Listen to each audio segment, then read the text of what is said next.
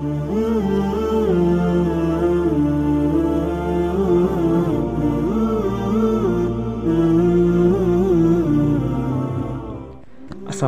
warahmatullahi wabarakatuh.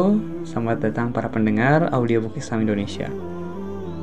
Di episode pertama ini aku bakalan ngebacain mengenai sejarah Islam yang hilang.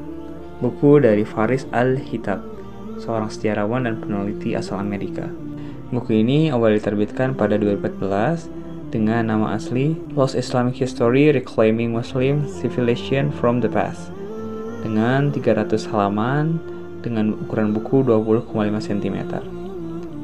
Adapun daftar isinya itu berupa Arab pra-Islam, kehidupan sang Nabi, Khulafaur Rashidin, pendirian negara Islam, masa keemasan intelektual, pergolakan, Al-Andalusia, tepi, kelahiran kembali, kemunduran, gagasan lama dan baru, dan daftar pustaka.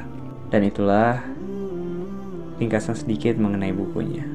Kita langsung aja ke bab pertama.